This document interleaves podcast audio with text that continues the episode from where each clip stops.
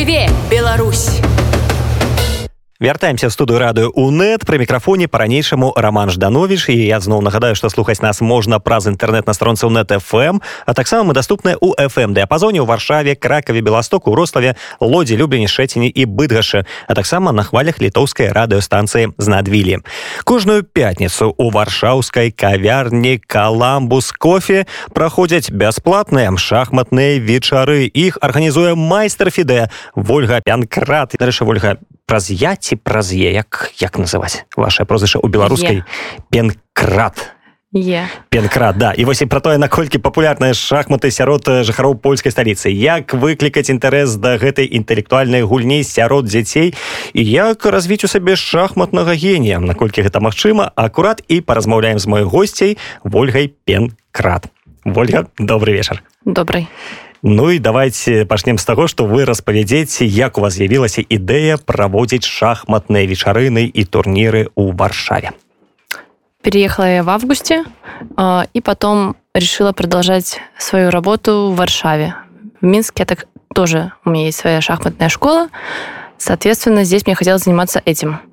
Э, начала искать э, детей, которые были заинтересованы занятиями шахмата в разных группах русскоязычных. А, было много желающих, также были желающие а, те, которые переехали из Минска и у меня же занимались там. А, а потом возникла идея проводить просто любительские вечера в каком-то неформальном месте, в расслабленной обстановке, просто поиграть. І хто прыходзіць вось на такія фармаль нефармальныя вечарыны гэта э, дзеці э, якія да вас прыходзяць там па раніцай на заняткі ці можа нейкія неабыякавыя жыхары варшавы якім цікава подвысіць свой інтэлектуальны ўзровень. Обычно как раз таки приходят взрослые. Бывают вообще с нуля которые не умеют играть или играли лет 20 назад приходят говорят можете помочь вспомнить, как играть в шахматы. Як расставить хотя бы да. Какой-то фигуры. А, есть а, взрослые, которые имеют разряды, звания, которые просто приходят посмотреть, поиграть. Это белорусы, это украинцы, русские? Это белорусы, украинцы и поляки. Например, в эту пятницу у нас э, был гроссмейстер даже польский. Не помню точно имя. Вот, и он тоже был заинтересован, то, что такие вечера вообще есть. А ёсць нейкі аптымальны ўзрост для того, каб пачынаць займацца шахматами? Вообще лучше начинать все-таки с детства. Что такое детинство? Ну, с лет восьми. А, я обучаю детей и с более раннего возраста, 4-5 лет, но оптимально все-таки 6, 7, 8 закладываются основные навыки, а, ребенок уже более усидчив, ну, оптимальный такой возраст. Однако можно начинать и позже, потому что если ребенок начинает даже в 10-12 лет, он быстро догоняет за счет возраста. То есть он более целенаправлен, то есть больше усваивает информацию и может догнать за пару лет то, что ребенок занимался с 6, с 8, там, 4-5 лет. То есть главное желание – А як праходзіць адбор дзяцей у секцыі? Таму что ці можна адразу зразумець ёсць у дзіцёнка патэнцыял ці гэта будзе просто марнаваны час і для бацькоў і для дзяцей? Обычно видно по детям то есть желание. Бывает в глазах желание то есть видно что они прямо горят хотят играть. Бывает то что ты объяснил один раз все понятно ребенку очень легко все схватывает.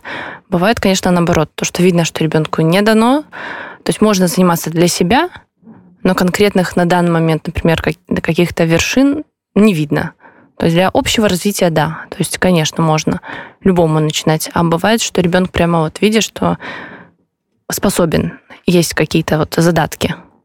Але колькі праходзіць часу з моманту таго як дзіцёнак прыходзіць і бачна ёсць у яго задаткі ці няма хватает иногда даже пару занятий по-разному бывает даже пару занятий хватает уже видно что либо он схватывает либо нет Ну, то бок дзіцёнак яшчэ не до конца ведае як правильно расстаўляць фігуры і ўжо праз некалькі заняткаў зразумела да. але гэта, гэта залежыць ад трэнера наколькі у яго не ведаў прафесійны погляд на тое что адбываецца ці ці ці як ну ты посмотришь на ребенка то есть и э, видишь как он схватывает в принципе материал и его личное желание. Есть дети у меня, которые занимаются, готовы заниматься шахматами и занимаются каждый день. Или которые просят, дайте задачек побольше, а можно видео, а мы сами смотрим видео, сами там рассматриваем. То есть это дети буквально 8-9 лет. И они каждый день, если без шахмат, то грустно. У меня есть такой ученик э, в Минске, который, когда я уехала, мы занимаемся онлайн, э, он на свой день рождения попросил позаниматься шахматами. И на Новый год тоже. 31 с утра мы начали заниматься шахматами, потому что ему очень хотелось именно это праздник, значит, должны быть шахматы.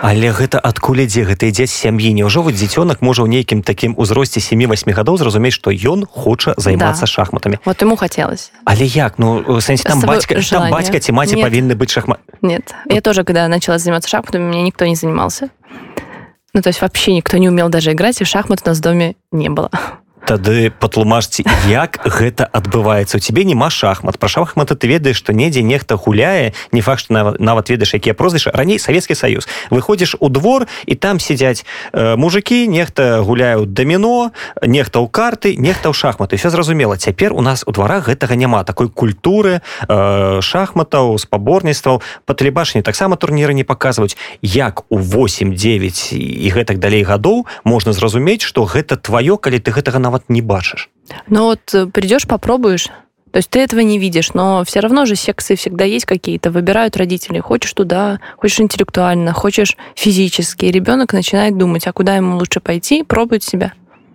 А у нас у Беларуси шахматы есть во всех городах? секции ці гэта толькі э, столица в основных точно в основных точно есть и вот э, в маленьких городах тоже есть просто что более мелкие клубы И большинство, кто из малых городов, они часто сейчас занимаются и онлайн. То бок пандемія таксама да. трошки сыграла на тое каб да. шахматы были больш распаўсюджаныя да поэтому большинство даже из маленьких э, каких-то городов они совмещают например свою секцию плюс еще дополнительный тренер откуда-то с какого-то более крупного города например или с другой страны поэтому пытаются развивать ребенка с другими тренерами А ёсць розніца як вучыць шахматам дзяцей подлеткаў і дарослых. Гэта нейкія розныя методыкі. Ввогуле як это адбываецца? Вось вы прыходзіце э, да вас нехта прыходзіць вы садзіце гэтага чалавека э, за дошку кажаце конь ходзіць вось так э, ферзь вось так ну погнали со взрослыми примерно так наверное происходит. Вот с детьми более игровая форма более мягко наверное можно так сказать коник ходить вось так ну что, да. что, что такое больше мягко да. ну просто вот я як да. як это подать да, коник сапраўды? Прыг скок в бок. Буквы г. Они некоторые дети не понимают что такое буква г как нас учили, например, и ты пытаешься ему понять, что есть такая буква Г, или по-другому с белой на черный, прыг скок в бок, две вперед, одна в бок, как только ты не объясняешь, то что обычно как раз-таки с конем всегда проблемы. Вот. А в принципе, просто с детьми идет немножко процесс медленней в обучении, потому что им нужно несколько раз повторить, все разжевать, объяснить, закрепить. Взрослые все-таки схватывают намного больше, быстрее то есть и больше информации за один урок. Э, есть кто занимался с нуля, и буквально пару занятий, все, они уже пытаются играть. Ну, уже, уже двигают, уже что-то там сбивают. А после некие, некие уроки теории? Те... Всегда теория. То есть всегда обычно урок состоит из э, какой-то теории, э, решения задач э, и практики. Это может быть и изучение дебютов, и какой-то стратегии, и эншпиля в зависимости что мы проходим в данный момент. Але тэорыя гэта такія лекцыі у вас сядзяць усе за шахматнымі столами за дошками а вы дастаеце нейкі подручнік і пачынаеце распавядаць як что і за чым. Расставляем обычно позицию и разбираем. Там не ведаю оборона лужина и вы да, сидите да, и начинаем разбирать что-то такое например і для ўсіх і для ўсіх гэта аснов ну все разумеюць адразу ці трэба неяк так тлумачыць э... обычно если кому-то непонятно задают просто вопросы и все угу. то есть если вдруг вообще никак непонятно то просто разъясняется более подробно. І тут тады такое пытанне глядзіце шахматы колькі яны існуюць? Паўтары тысячи гадоў да. мінімум а то і больш.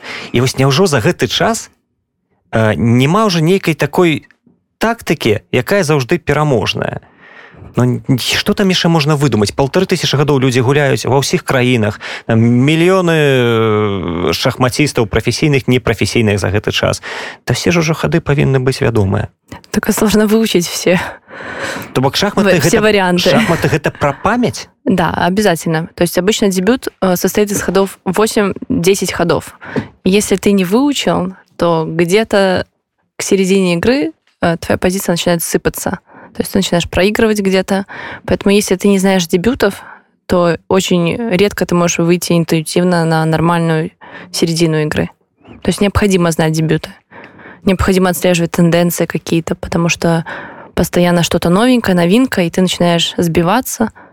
Вот поэтому большинство, например, детей, когда какие-то чемпионаты, мы стараемся, например, наоборот, подготавливать что-то интересное, чтобы соперник просто потом от неожиданности пошел, расслабился, скажем так.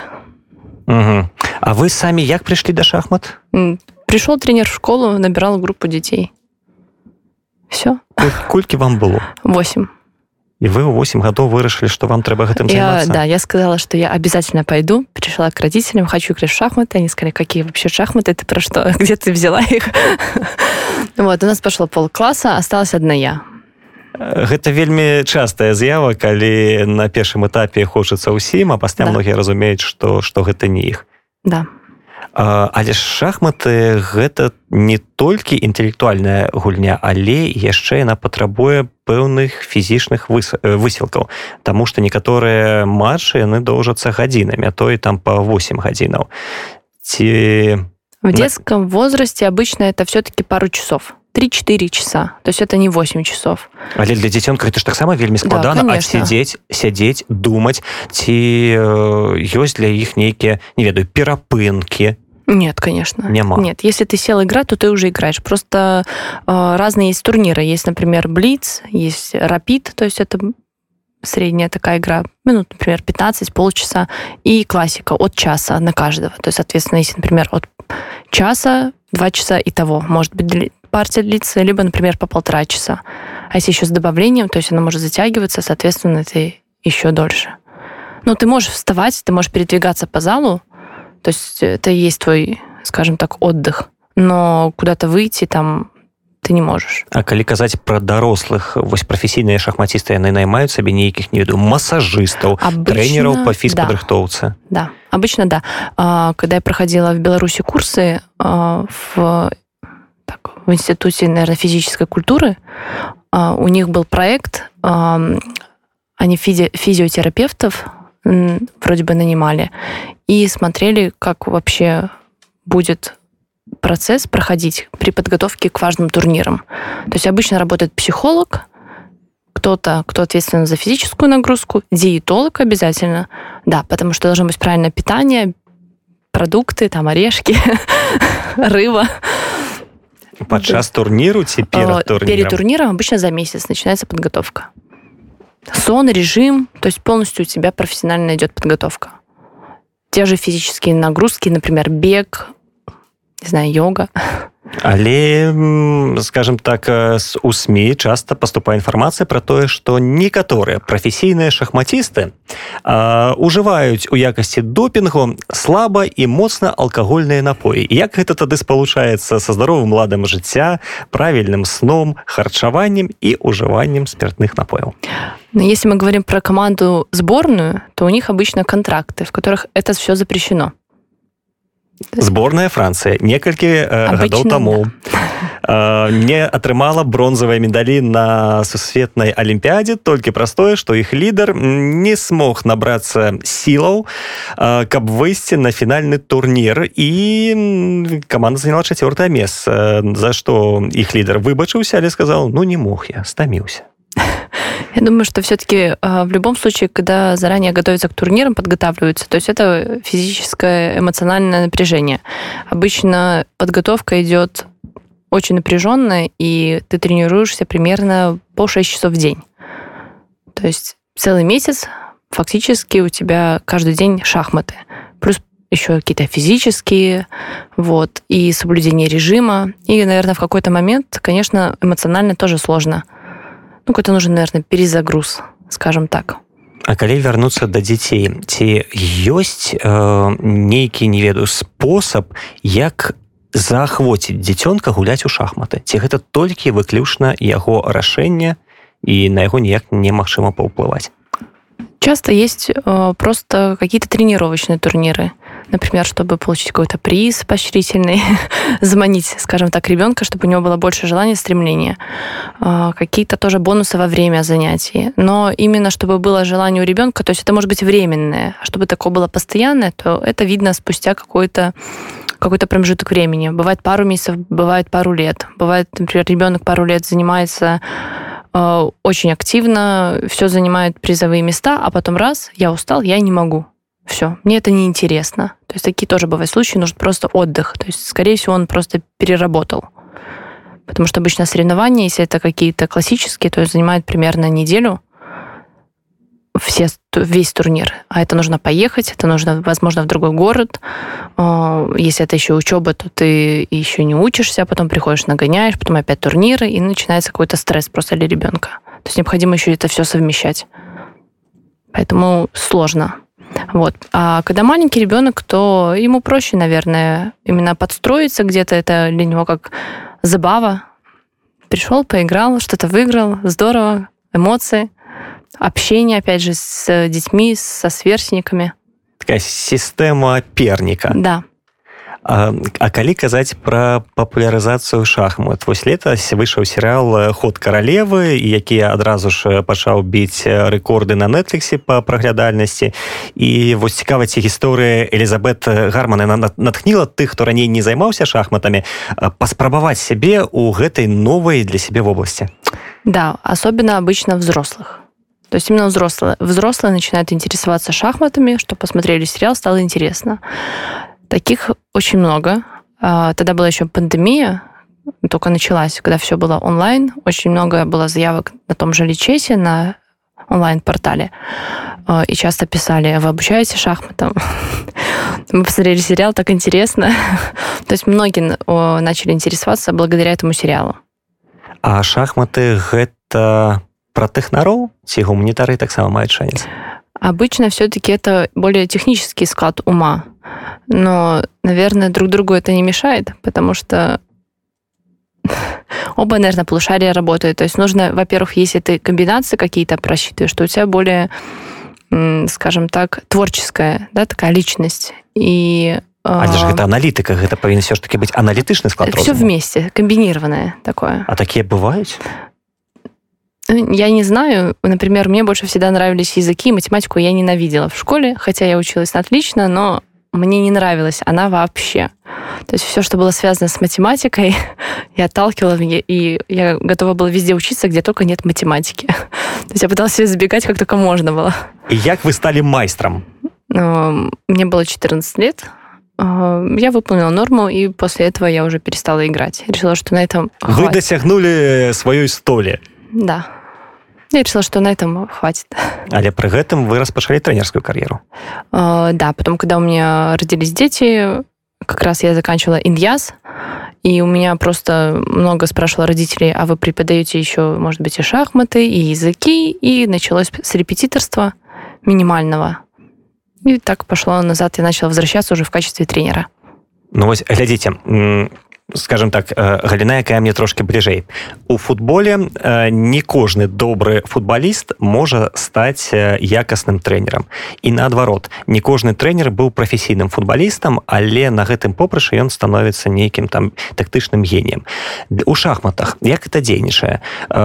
Якасным трэнерам можа стаць толькі той хто сам чагосьці дасягнуў? Ці можа быць чалавек які добра разбіраецца у шахматнай тэорыі які не ведаю там у шахматных кампаніях кампазіцыях там стварае але пры гэтым сам э, нейкіх вяршыняў не дасягнуў можа быть такое ці не все ж таки тренер э, павінен быць вось былой зоркой Нет, мне кажется, что не обязательно. Нужно все-таки чувствовать детей и уметь правильно преподнести этот материал, который ты хочешь донести до детей.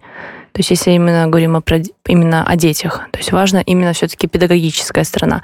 Мой тренер тоже был ниже меня звание, вот, и в то же время он дал максимально мне, все, что нужно было, скажем так. Вот. Но у меня есть много знакомых, которые выше званием и гроссмейстеры, но, однако, именно преподавать им сложно. То есть не каждому все-таки гроссмейстеру дано преподавать, но в то же время такие люди, конечно же, есть, кто может совмещать и профессиональную свою, например, карьеру, и тренерскую. Глядзіце у свой час за шахматнымі спаборніцтвамі дакладней за змаганнямі за шахматную карону э, сачыў фактычна весь савецкі саюз тому что гэта была холодная вайна э, гэта спаборніцтва фішер спаскі альбо карпаў э, карчны якога нават у савецкай прэсе называлі карчным называлі просто прэтэндэнт каб лішні раз не называць яго прозвішча. І вось тады гэта быў пік зацікаўленасці шахматамі. І ці можна неяк аднавіць інтарэс да гэтага спорту але без палітычнай падаплёкі Мне кажется как раз таки сейчас э, очень хорошо развиваются шахматы и в Беларуси начались развиваться несколько лет назад когда была введена единая система с э, внедрением шахмат э, в школы то есть родители действительно были заинтересованы я в одной из школ преподавала шахматы э, как кружок и часто именно много детей было заинтересованных, и было тоже сразу видно, кому, например, дано, а кому, ну, просто для общего развития, почему бы нет. То есть было для общих, на общих основаниях просто кружок в школе. Вот, поэтому популяризация как раз-таки была очень такая активная. А здесь, когда я приехала тоже раньше, например, э, в Польшу, когда мы ездили сами как дети на соревнования, не было никакой конкуренции. То есть нам всегда говорили, что ну и поехали в Польшу. У всех не... переможем, у да, Я, я, мой, моя первая медаль, первое место было как раз в Польше, в Ломже. Был турнир международный, я там заняла первое место. Э, была моя первая, скажем так, какая-то такая медаль за границей. Вот. Не было таких достойных соперников. А потом постепенно все-таки это тоже начало развиваться. Здесь тоже есть в школах кружки, в библиотеках даже есть какие-то кружки. То есть я знаю, что организовывают именно от федерации, бесплатные. То есть пытаются детей заинтересовать. И сейчас даже, когда в кафе приходят, многие говорят, мы в школе где-то занимаемся или просто хотим поиграть. Э, ко мне также обратилась, э, обратился руководитель IT-сообщества, тоже в Фейсбуке, сказал, что он такой клуб организовал в Кракове, и многие хотят еще в Варшаве. Вот. Поэтому надеюсь, что они тоже дойдут.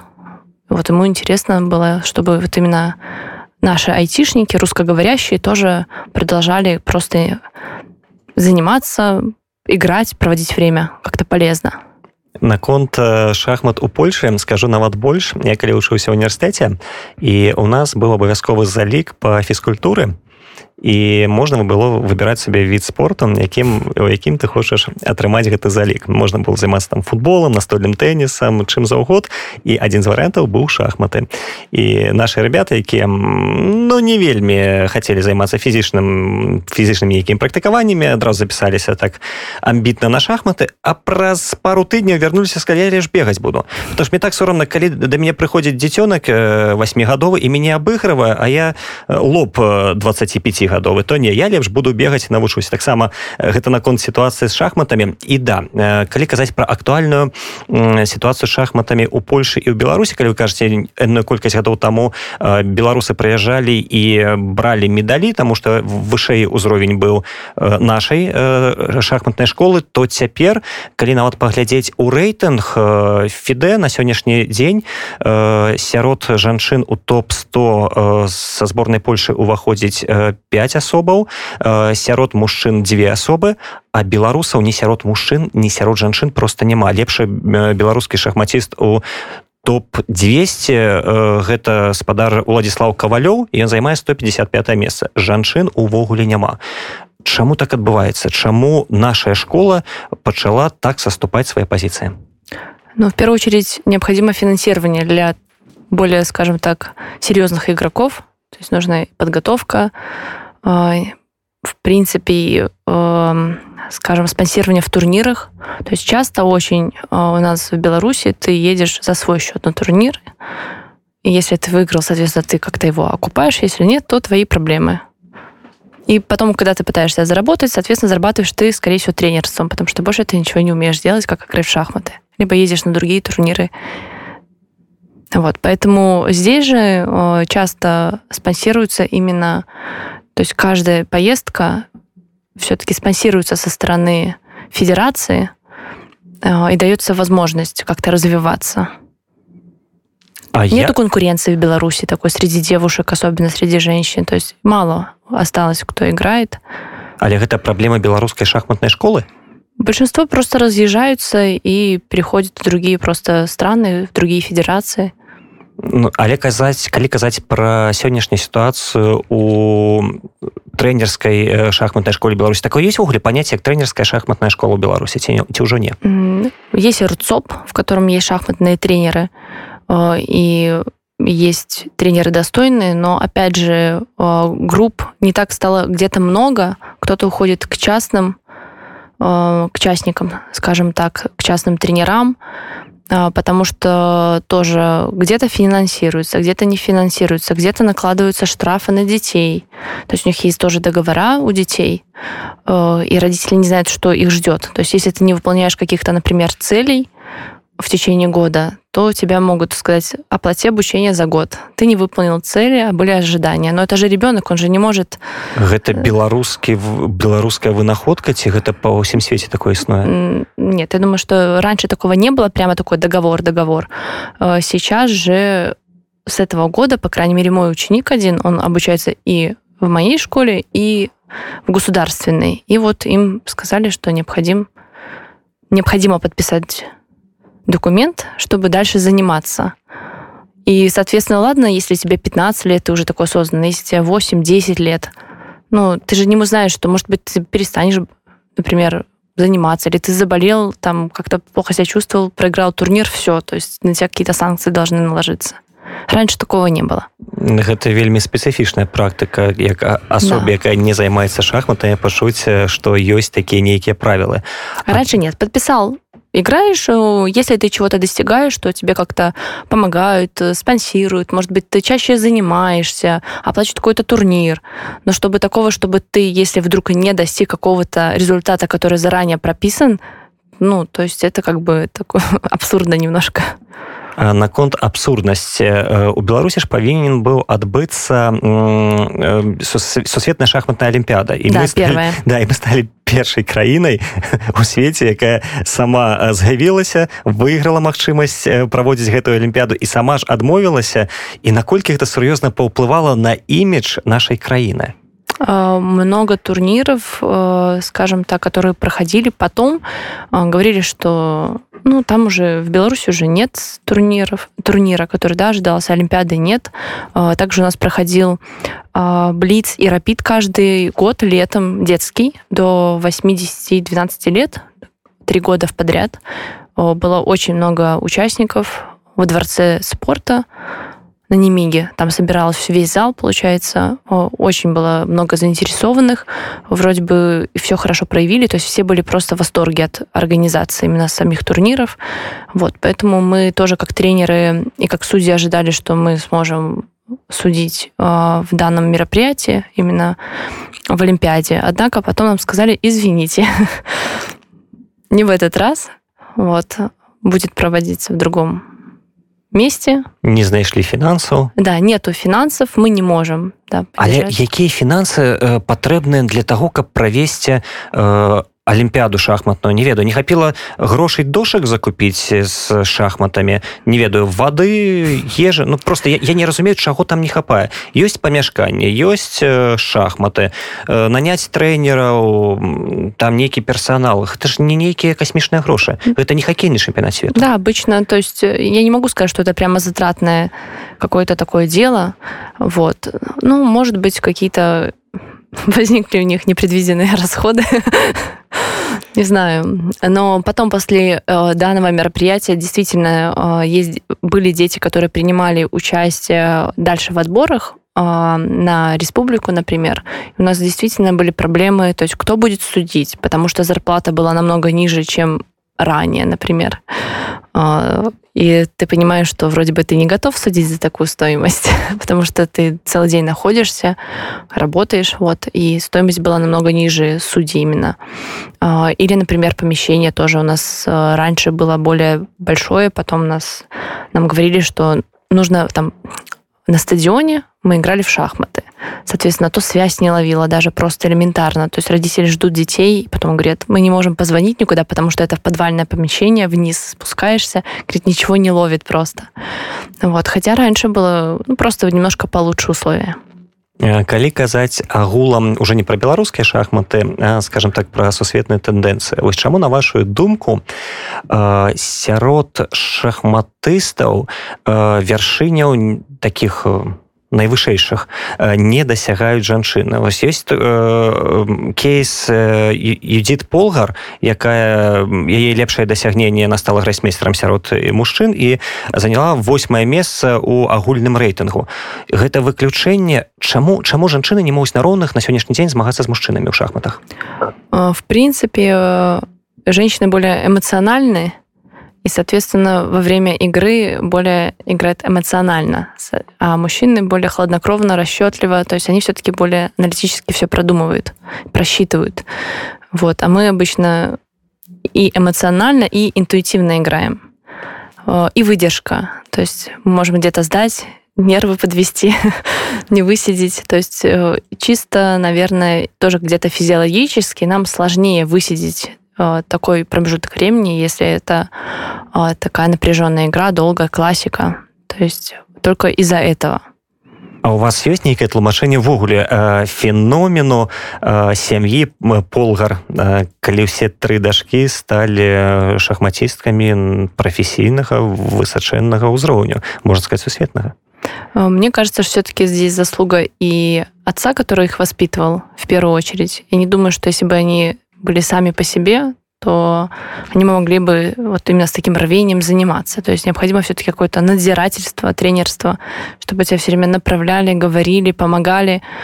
То есть сам ребенок все равно не сможет прямо взять и сказать, что я в три года, в четыре буду заниматься шахматами, и все, это моя жизнь, я буду каждый день тренироваться. То есть все равно необходимо какое-то направление именно родителя. То есть его, скажем, где-то давление, потому что всегда есть какой-то возраст, когда ты хочешь бросить, такой переломный, скажем так, момент. Вот. И опять же, если мы говорим про э, Юдит Полгар, то она всегда участвовала, например, в мужских турнирах, поэтому, наверное, за счет вот этой мужской закалки, что она была всегда именно в мужской среде, возможно, поэтому она смогла именно достигнуть такого уровня и приблизиться, скажем, к мужскому именно рейтингу, уровню э, и такому результату, что она восьмое место занимала. Калі казаць э, пра таксама сучасны стан рэчаў ці многолетняя гегемонія э, магнуса карлсона яна не робіць такога эфекту что людзям просто не цікава сачыць за шахматамі. Так ужо зразумела хто з года ў год будзе чэмпіёнам. І калі б гэта было ізноў жа ў нейкіх іншых відах спорту ну ніхто б не глядзеў калі б патэнцыйна манчестер юнайтед выйграваў 10-15 гадоў запар. Ну просто просто ўжо цікавасць аўтаматычна падае. Ў шахматах так не отбывается? А, наверное, со стороны любителей, может быть, им и надоело то, что это все время один и тот же человек. А со стороны тренера, то наоборот хочется, чтобы именно твой ученик выиграл и занял именно его место. Поэтому здесь смотря с какой стороны посмотреть. Все равно ты стараешься подготовить своего ученика максимально сильно, э, или какой-то взрослый, например, гроссмейстер, да, он пытается все равно приблизиться, у него есть какая-то цель, какая-то планка, которую необходимо достичь. Вот на том же Личесе все шахматисты играют, и в том числе и Магнус, и все равно есть всегда турниры. Я уверена, что все равно им интересно даже просто с ним поиграть.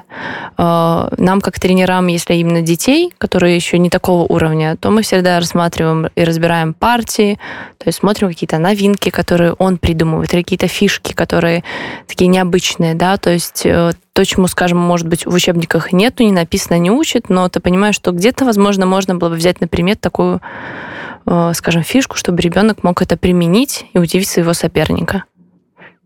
А калі падыходзіць суб'ектыўна хто на вашу думку самы моцны шахматист за всю историю? вообще мне нравится больше всего таль за счет того что была именно красивая игра и именно много комбінацый але колькі ён гадоў трымаў карону мінімальна там э, літаральна некалькі гадоў і таму вельмі дзіўна тому что былі гегемоны пачынаеш там адцтэніца які дзегоддзямі там алехін яго таксама прызнаюць геніем вельмі цікавы выбор то бок вы за тое каб шахматы былі красивой игрой то есть нужно играть все-таки больше для себя или какой-то именно эмоциональный э, части. То есть ты именно эмоционально играешь э, и пытаешься найти какие-то красивые комбинации, чтобы это было красиво, запоминающее именно получать какое-то удовольствие, а не просто хладнокровно сидеть, что-то высчитывать, обдумывать. Ну, мне больше нравится красивая игра. И Неожиданная. И своих детей вы так само вушите пригожей гульне. Конечно. Даже если ребенок проигрывает, я говорю всегда, что, возможно, ты проиграл, но что-то новое узнал, во-первых, от соперника, чему-то новому научился именно от него. Во-вторых, эм, если ты не получаешь никакого удовольствия, зачем тогда играть? Если ты пытаешься заучить все эти ходы начальные, а сам не понимаешь вообще, зачем это надо, ну, нету смысла тоже. То есть необходимо, конечно же, и знать теорию, и уметь применить на практике, и в то же время находить какие-то комбинации красивые. Где-то ловушки, где-то пожертвовать фигуру. То есть вот в этом именно и заключается, то есть красота, скажем, шахмат. Ольга заслухаўся але на вялікі жаль у нас просто непамерна мало было часу і на жаль ён ужо зусім хутка скончыўся. Хочу падзякаваць вам за гэтую размову і нагадаць нашим слухачам что госцей радыо унет была майстар фіде ольга пенкрат. Дзякую вялікі раз. Спасибо. Жыве беларусу начы